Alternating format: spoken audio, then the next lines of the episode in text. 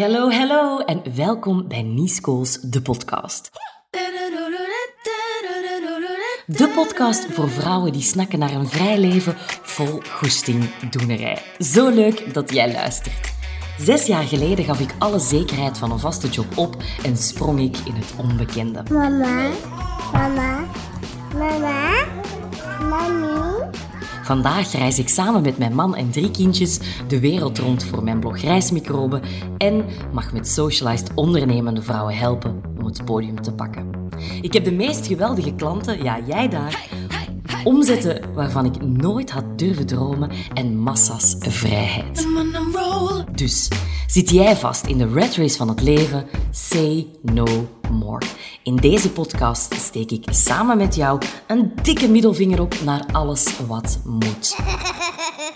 Welkom bij de Club van de Vrijheidsstrijders, Goestingdoeners en Voortzeggers. Mijn bevallingen hebben voor mij... Ja, ik weet zelfs niet hoe ik het moet omschrijven. Mijn bevallingen hebben voor mij echt gewoon alles veranderd. En mijn tweede en mijn derde bevalling zeker ook. Die hebben ook dingen in gang gezet. Maar mijn eerste bevalling, ik, heb daar echt, echt, echt mogen ontdekken wie, ja, wie dat ik ben zelfs. Waar dat ik voor sta. Dat is zo wat voor het eerst in mijn leven, denk ik, dat ik mij niet heb laten, niet heb laten kisten. Of niet, heb, allee, niet dat ik dat anders doe. ik, eh, ik, ik zeg anders ook wel waar het op staat, maar dat was zo echt de eerste keer dat ik mij super krachtig voelde door de beslissingen die ik had genomen en door de mindset die ik heb aangenomen. En die mindset die dat ik daar heb mogen ontdekken, dat heeft voor de rest mijn hele leven veranderd. En heel mijn bedrijf. Hoe dat ik naar mijn bedrijf keek, hoe dat ik beslissingen neem in mijn bedrijf, dat heeft echt gewoon letterlijk alles veranderd. Dus daar wil ik jou vandaag heel graag in meenemen. Hey, are you ready? Hey, hey, let's go all the way. Let me show you how it can be to feel free. Yeah, join the tribe. Let's go all the way with knees, knees, knees, knees. Als jij aflevering 1 geluisterd hebt, dan weet je dat. En als je dat nog niet gedaan hebt, dan zou ik zeggen, doe dat zeker. Want in aflevering 1 vertel ik meer over mijn verhaal.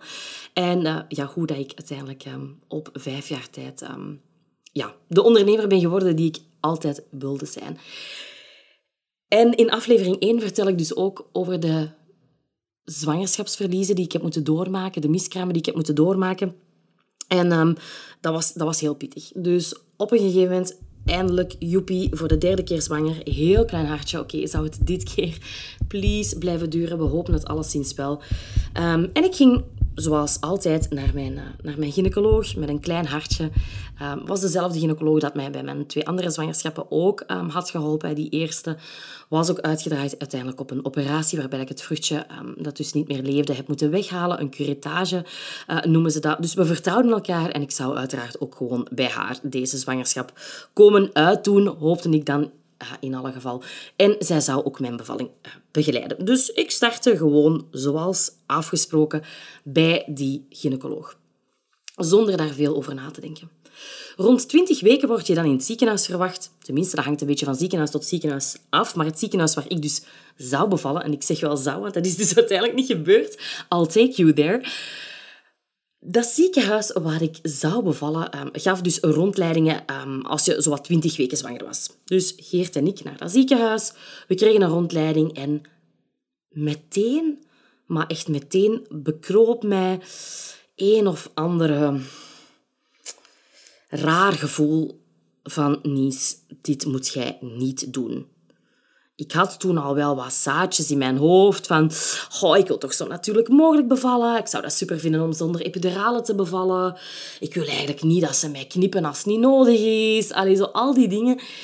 Ja, ik was wel voor een natuurlijke bevalling te vinden, maar op zich had ik dat allemaal nog niet verder uitgezocht, eh, want ik dacht, uiteindelijk zal dat wel, als ik dat aangeef van, kijk, ik wil dat op een natuurlijke manier, dan zal dat wel kunnen en dan zal dat misschien ook wel zo gebeuren. Maar tijdens die rondleiding besefte ik dus van, hou maar. Ik ga hier echt serieus, maar serieus uit de pijp moeten komen als ik wil dat dit gebeurt op de manier waarop ik het wil dat het, hè, dat het gebeurt. Ehm, en uiteraard, I know, lieve mensen, we hebben het over bevallingen en daar kunnen altijd dingen gebeuren, dingen mislopen. Maar, en dat heb ik achteraf ook wel geleerd van mijn vroedvrouwen, heel vaak zijn dingen die mislopen tijdens bevallingen ja, dingen die dan eigenlijk voortkomen uit bepaalde beslissingen die misschien medisch gezien niet hadden moeten genomen worden. Uh, zoals weeënopwekkers als dat eigenlijk helemaal niet nodig is, of inleidingen als dat totaal niet nodig is, um, en van die uh, toestanden. Maar terug naar de rondleiding. De voetvrouw van dienst die ja, de rondleiding moest geven, zei, ja, kijk, en hier heb je dan eh, de arbeidskamer, hier is de verloskamer, um, hier zet de gynaecoloog misschien zijn spot eventjes op, wordt er een knipje gezet en ziezo, jouw baby wordt geboren. de woorden alleen al, de manier waarop dat ze dat zei, het was een super lieve vroedvrouw, daar niet van, maar ze sprak niet de taal die ik wilde horen. Ik verzamelde al mijn moed en ik stelde de vraag, kan ik hier misschien ook onder water bevallen? Want dat was wel de droom die ik had. Ik zag mij vanaf het begin al, toen ik zwanger was, zag ik mijzelf onder water bevallen. Leek me gewoon top. Ik voel mij heel goed in water. Ik ga superveel in bad. Ik ben zo echt een badmens. Dus ik dacht, alright, dat past bij mij. Oh, nee, nee, nee. Nee, dat, dat doen wij hier niet. Je moogt in bad tijdens je weeën. Maar voor te bevallen, nee, dat hebben ons gynaecologen niet graag. Excuse me? Sorry, ik heb dat niet gezegd, maar ik heb dat toen wel gedacht. Wie moet er hier die een baby uitpersen? Dat zal ik toch wel zijn. Aha, en als ik dat in water wil doen, dan doe ik dat in water. We stapten buiten en ik ben even met Geert apart gaan staan aan de inkom van het ziekenhuis. En ik keek hem aan en ik zei... No way dat ik hier mijn kind op de wereld zet. That is not happening. En Geert, ja, die keek mij zo aan, maar alleen, hij kent mij natuurlijk ook al een beetje, maar, maar wat komt hij nu weer af? Hij zo, ja, nee, ja, ik snap het wel. En waarom niet? Ja, daarom en daarom niet. Ik voelde mij er toch echt niet goed bij. Hij wist ook wel al een beetje wat mijn visie was. En hij zei, nee, dit is, dit is jouw bevalling, dit is onze bevalling, ons kind. Als jij zegt van, ik zie dat niet zitten, dan doe het niet. Dan doe het gewoon niet. En daar begon eigenlijk mijn zoektocht. Daar begon mijn zoektocht naar gelijkgestemden. Zijn er, ik kon het alleen maar hopen, want ik wist het niet, zijn er mensen die er hetzelfde over denken als ik? Zijn er mensen die wel geloven dat een vrouw echt nog wel op natuurlijke kracht haar baby op de wereld kan zetten? Zijn er dingen waar ik mij wel goed bij voel, waar ik wel aansluiting bij voel? En ik ben beginnen lezen en zoeken. En uiteindelijk kwam ik bij een zelfstandige voetvrouwenpraktijk uit, Hikketijn trouwens. En um, ja, voor mij viel er zo'n last van mijn schouders met alleen al hun website te lezen. De artikels spraken mij aan. Um, ja, wat ze zeiden resoneerde gewoon bij mij. En ik voelde voor het eerst, ja, dit is het. En ik maakte een afspraak bij hen. En eindelijk had ik het gevoel dat er iemand echt naar mij luisterde. Dat er iemand echt dat helemaal niet gek vond dat ik zonder epidurale zou willen proberen te bevallen, dat ik onder water zou willen bevallen, dat ik eigenlijk liever niet heb dat er veel mensen op de kamer komen, uh, dat is misschien een donkere kamer, sfeermuziekje op. Eindelijk werd ik begrepen. Dus ik begon alleen nog maar naar meer en meer gelijkgestemden te zoeken en ik besliste zelfs om van gynaecoloog te veranderen, zodat ik ook in een ziekenhuis um, dat wel 10, 15 kilometer verder in een uh, grotere stad lag. Dus ook wel wat moeilijker te bereiken. Maar goed, ik besloot van ziekenhuis te veranderen, van gynaecoloog te veranderen. En ik besloot er ook twee zelfstandige vroedvrouwen bij te nemen om mij te ondersteunen. En ik voelde mij zo opgelucht. En ook zoveel krachtiger, want ik voelde dat ik eigen keuzes begon te maken en dat ik mij gesterkt voelde en niet meer alleen voelde.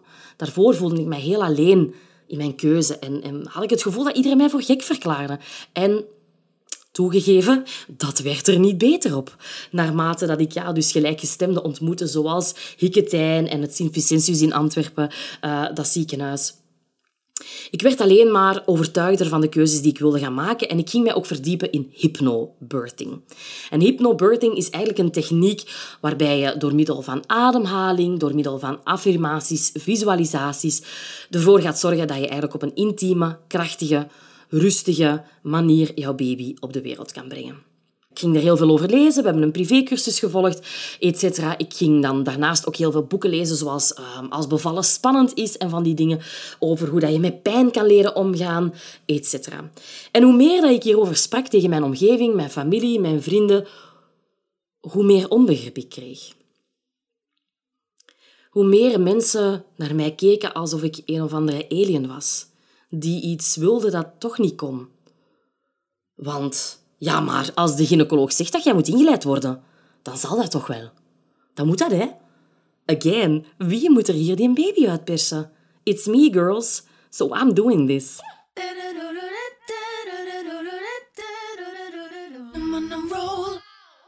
Dat was niet gemakkelijk. Ik, eh, zeker niet omdat natuurlijk uw eerste kindje is, dus uw eerste bevalling ook gaat zijn. En ik ehm, voelde langs alle kanten van, oké, mensen hopen bijna dat mijn bevalling misschien wel misgaat. En dat ze kunnen zeggen, zie je wel, zie je wel, je kunt dat allemaal niet voorspellen. En uiteraard, again, hier die een disclaimer. Ik weet dat, dat er dingen gebeuren uh, waar dat je heel dankbaar voor bent dat de medische wereld er is. Absoluut. Ik vind dat ook. Halleluja voor gynaecologen en anesthesisten en dat is allemaal heel goed. Maar als je het niet nodig hebt, heb je het niet nodig. En ik wil er gewoon voor zorgen dat ik dat niet nodig had. Dus ik begon ook meer te, te lezen over informed consent, geboortezorg, al die dingen, dat je dus echt wel als vrouw kan en mag zeggen, nee, ik wil niet ingeleid worden. Nee, laat mij maar rustig tot 42 weken gaan. Ik hoef niet ingeleid te worden op 40,5 op 41 weken. Laat mijn baby zelf maar beslissen over zijn geboortedag. Je mag als mama echt wel zeggen van, ho, ho, ho, stuit. Oké, moet dat een keizersnede worden als dit mijn tweede kindje is? Mag ik dan misschien niet proberen in stuit te bevallen? Ja, I know. Dat klinkt misschien super gek nu voor jou, want dat is toch gewoon standaard keizersnede. Nee, er zijn ook ziekenhuizen en er zijn nog van die goede gynaecologen die dat erin geloven dat dat kan. Dat dat mogelijk is en die jou de kans geven om jouw kindje ook in stuit natuurlijk op de wereld te zetten. Om maar te zeggen, eigen keuzes. En mijn bevalling heeft mijn mindset hierin dus compleet veranderd. Want je kan het al raden. Of niet. Ik ben nu heel benieuwd waar je denkt hoe dat mijn bevalling gegaan is. Of dat ik effectief alles heb moeten bijsturen. Of dat ik heb kunnen zeggen van yes, ik wist het dat ik ervoor kon gaan en dat het op mijn manier zou kunnen. Het is het tweede. het is het tweede. Ik had een prachtige, prachtige... Ik ga er niet over uitweiden in deze aflevering in detail. Maar ik had een prachtige eerste bevalling. Echt waar. Het was magisch. Er is geen gynaecoloog aan te pas gekomen. Ik ben wel in het ziekenhuis bevallen met mijn eigen vroedvrouw. Ehm, op mijn manier, onder water. Heel snel trouwens. Ik was om 7 uur aan het spoed beneden. En om 7 uur 50 uh, lag Morris in mijn armen. En toen wist ik het. Toen wist ik het zeker. The body achieves what the mind believes. Als ik een kind op de wereld kan zetten puur op oerkracht en op mindset, dan kan ik dit ook doortrekken naar de rest van mijn leven.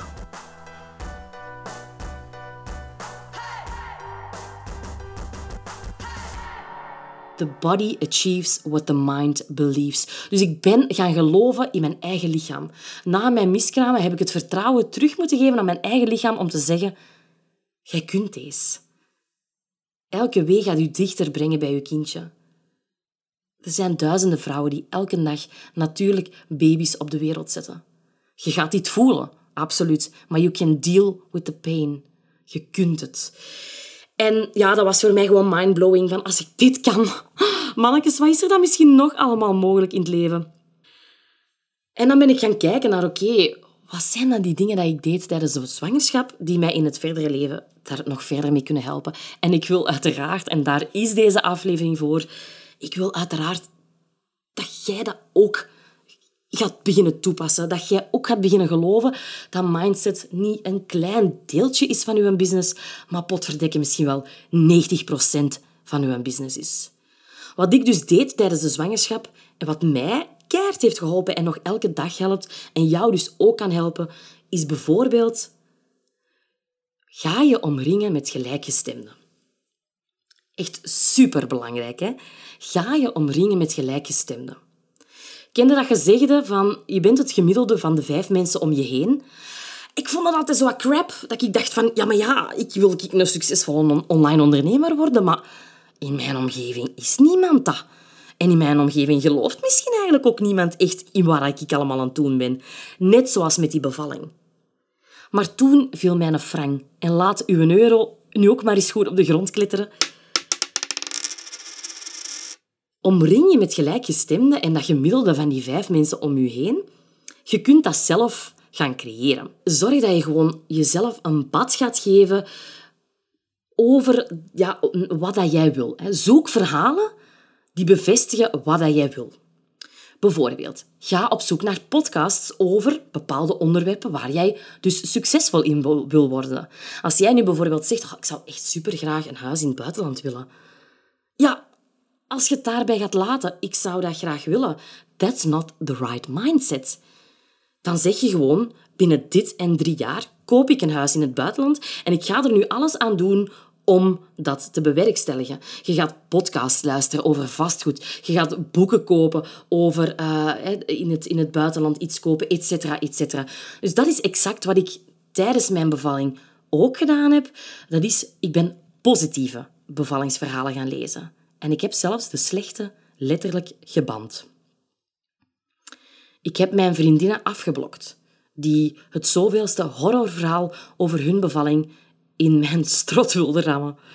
Ik heb mijn tantes afgeblokt, die zeiden, ja, ja, met wat in een boekje te gaan lezen, daar gaat het uiteindelijk niet mee doen straks, tijdens de bevalling. Ik heb negatieve mensen, negatieve verhalen en negatieve gedachten geband. En ook dat kan jij doen als ondernemer. Stop met je met mensen te omringen waarvan je voelt dat die je afremmen. Hoe moeilijk en hoe pijnlijk dat, dat soms ook is. Ik zeg natuurlijk niet dat je je familie moet gaan, eh, gaan laten vallen. Ja, heeft dat gezegd. Nee, nee, tuurlijk niet. Maar je kan wel gaan zoeken naar mensen die dus wel de mindset hebben die dat jij wil hebben, die wel bereikt hebben wat dat jij wil bereiken. En je gaat van hen ga je leren. Van hen ga je boeken kopen. Van hen ga je ehm, ja, podcasts beginnen lezen. Van hen ga je leren. Dus ja, ik zou zeggen, doe wat ik dus deed tijdens die bevalling. Of tenminste tijdens mijn zwangerschap. Die positieve verhalen gaan opzoeken en gaan kijken wie heeft gedaan wat ik ook wil doen. Bij business kan je dan net hetzelfde. Ga boeken lezen over succesvolle coaches als jij ook een succesvolle coach wil worden. Ga boeken lezen over money mindset als jij voelt dat je blokkades hebt rond geld. En dat je raar kijkt naar mensen die rijk zijn. Dat je daar bepaalde vooroordelen over hebt. Dat ligt bij jou. Ga daaraan werken.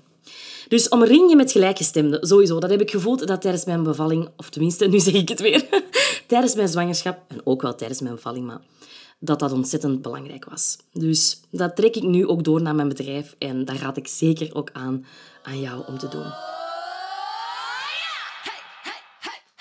Daarnaast is het installeren van krachtige overtuigingen in jezelf ook ontzettend belangrijk. Iets wat ik tijdens mijn zwangerschap volop ben beginnen doen. Dat noemen ze affirmaties. Dus dat is eigenlijk echt gaan installeren in je binnenste. Dit geloof ik. Mijn nieuwe ik, of mijn huidige ik, hè, is zo. Ik ben zo. Ehm, dus ga dat ook echt noteren, wat dat je wil gaan geloven. Ehm, bijvoorbeeld tijdens de bevalling, maar dat zijn affirmaties die ik eh, ook al van tevoren ehm, had, was eh, ik breng mijn baby krachtig en kort op de wereld. Elke wee brengt mij dichter bij mijn baby.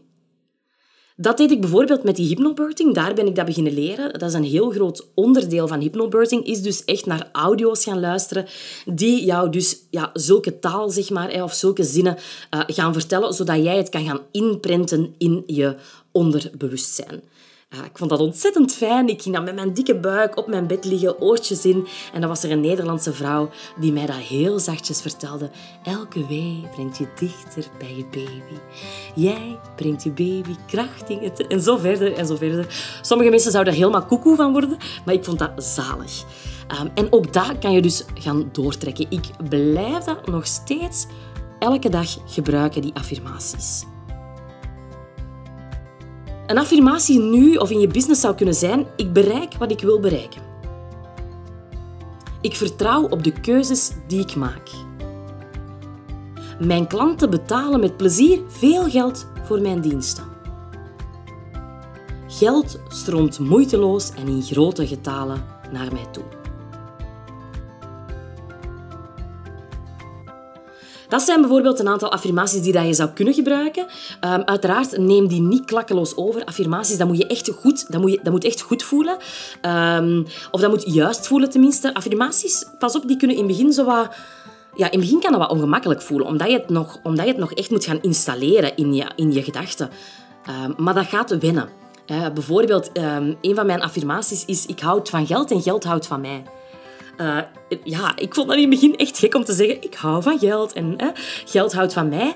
Uh, omdat je nog met bepaalde overtuigingen zit daar rond. Maar ik ben dat allemaal gaan loslaten en ik ben echt gaan spelen met die affirmaties. Hoe doe je dat? Ehm, je kan dat opschrijven, dus je kan dat in een schriftje of zo schrijven en dat ophangen bijvoorbeeld, zodat je dat regelmatig ziet hangen en dat je dat regelmatig leest. maar je kan dat ook bijvoorbeeld gaan omzetten in audio, dat je misschien je eigen privé-podcast bij wijze van spreken maakt en naar jezelf luistert. Of je kan ook affirmaties gaan opzoeken. Hè. Um, op Spotify, op YouTube, als je daar uh, geldaffirmaties, of misschien eerder in het Engels, uh, money affirmations of zo gaat zoeken, dan ga je dat ook zeker vinden.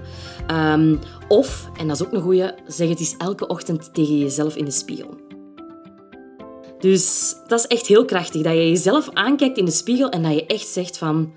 Mijn klanten betalen met plezier veel geld voor mijn diensten. Ik vertrouw op de keuzes die ik maak. Ik bereik wat ik wil bereiken.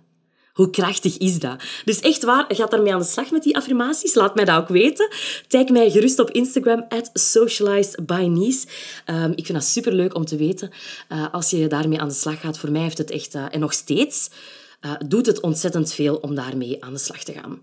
Wijzig die ook regelmatig. Je zal uh, voelen dat je daarin groeit. Dus wijzig die ook regelmatig naar hoe dat je je op die moment voelt of waarvan dat je voelt van mm, hier is nog wel wat werk aan.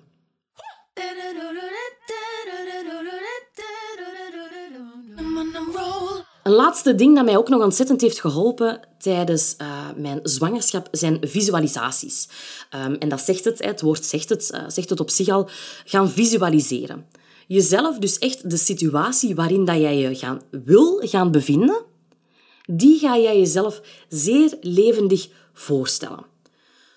Dus letterlijk speel de film in je hoofd af van wat dat jij zou willen zien gebeuren, zodat je gedachten realiteit kunnen worden. Gedachten worden dingen. Let that sink in for a moment. Dat was voor mij echt redelijk life-changing om dat te beseffen. Gedachten worden dingen. Dus de dingen die dat jij denkt, dat wordt werkelijkheid. Als je constant negatief denkt en bijvoorbeeld om in het thema te blijven, als je gaat, uh, naar je bevalling toe gaat van oh my god, dat gaat keihard pijn doen en dat gaat super lang duren en oh nee, wat denk je dat er gaat gebeuren? Dat gaat pijn doen en het gaat verdikke lang duren. Zoals als ik nu tegen u zeg, niet aan een roze olifant denken. Nee, nee, nee, niet hè. Niet aan een roze... Nee, nee, nee, nee, echt niet hè. Niet aan een roze olifant. Niet aan een roze olifant denken. Aan wat ga jij denken? Allee, wat zit er in uw hoofd? Roze olifanten, hè? Nergens in mijn zwangerschap heb ik negatieve beelden afgespeeld. Telkens probeerde ik dat heel positief op te roepen, hoe mooi, hoe warm, hoe krachtig en hoe intiem mijn bevalling zou zijn. En exact dat heb ik gekregen. Dus speel dat af in uw hoofd. Ook in uw bedrijf. Roep letterlijk die gevoelens van succes op. Maar echt letterlijk. Hè? Ik bedoel, je gaat, echt, je gaat dat voelen, je gaat dat helemaal afspelen in je hoofd. En je gaat echt voelen van, amai, stel je voor dat ik dat lanceer en dat er 50 mensen zouden kopen. En je voelt die kriebels in je buik en je voelt dat helemaal opborren en je, en je gaat maar mee in dat gevoel. Hè. Juicht maar eens. Zeg zo, yes, I did it. Woep, woep. Vreugdedansje. Zie jezelf al vieren met je familie of met je team. Haal de champagne al maar boven. Roep dat succes op. Roep die gevoelens op dan weet je lichaam al hoe het voelt en dan kan je de volgende keer ook veel gemakkelijker naar die staat gaan. Dan is het niet meer bijzonder of raar. Dan is het zelfs heel normaal voor jou om dat succes te hebben. Dus visualisatie is ook super belangrijk. Ja, zo zie je maar. Mindset heeft echt heel mijn leven veranderd. En het heeft ervoor gezorgd dat ik mijn eerste baby, maar later ook nog mijn tweede en mijn derde. Ik heb ehm, na Morris, die dus in het ziekenhuis geboren is, ehm, heb ik ook eh, Zola en Indy nog op de wereld gezet, natuurlijk, mijn twee dochters. En die zijn alle twee thuis geboren, ook weer onder water, eh, zoals ik altijd gedroomd had. Ehm, met dus respectievelijk toen Morris erbij en dan met Indy, Morris en Zola erbij. Ja, dat, dat was gewoon zo, zo, zo mooi. Ik, eh, oh, dat was fantastisch. En ik heb sindsdien ook echt wel ontdekt hoe krachtig het is als je voor je eigen keuzes gaat staan. En dat gun ik jou ook. En ik zou zeggen, ja, dus wees blij met mijn tips. Jij hoeft er geen drie kinderen voor op de wereld te zetten. Ik heb dat voor jou gedaan. Jij krijgt de tips gewoon zo. Dus ik zou zeggen, onthoud het. The body achieves what the mind believes. Of the business achieves what the mind believes. Ga je omringen met gelijkgestemden. Zo, zo, zo belangrijk. Ga affirmeren. Hè. Installeer die krachtige overtuigingen in jezelf. Zoek affirmaties die helemaal bij jou passen. En ook een manier om ze te blijven herhalen. En ook ga dus letterlijk die visualisaties doen. Hè. Roep die gevoelens van succes op. En dan kan het ook voor jou werkelijkheid worden. Ik ben heel benieuwd wat je ermee gaat doen. Laat het mij weten. Succes en tot de volgende aflevering. Bye bye. Yes, yes, dit was hem weer. Dankjewel voor het luisteren naar Niescools, de podcast. Ik vind het super fijn om met jou te connecteren. Dus vond je deze aflevering inspirerend? Deel hem dan op Instagram en tag mij at socializebynies en of at. Zo kan ik nog meer vrouwen bereiken met mijn bevrijdingsmissie. Wil je in de toekomst niets missen van deze podcast? Abonneer je of laat een review achter in de app waarmee je luistert. Mijn vreugdedansje krijg je er zo bij. Ik hou van mijn mamaatje. Ziezo, ik ga terug naar mijn bende hier. Tot de volgende!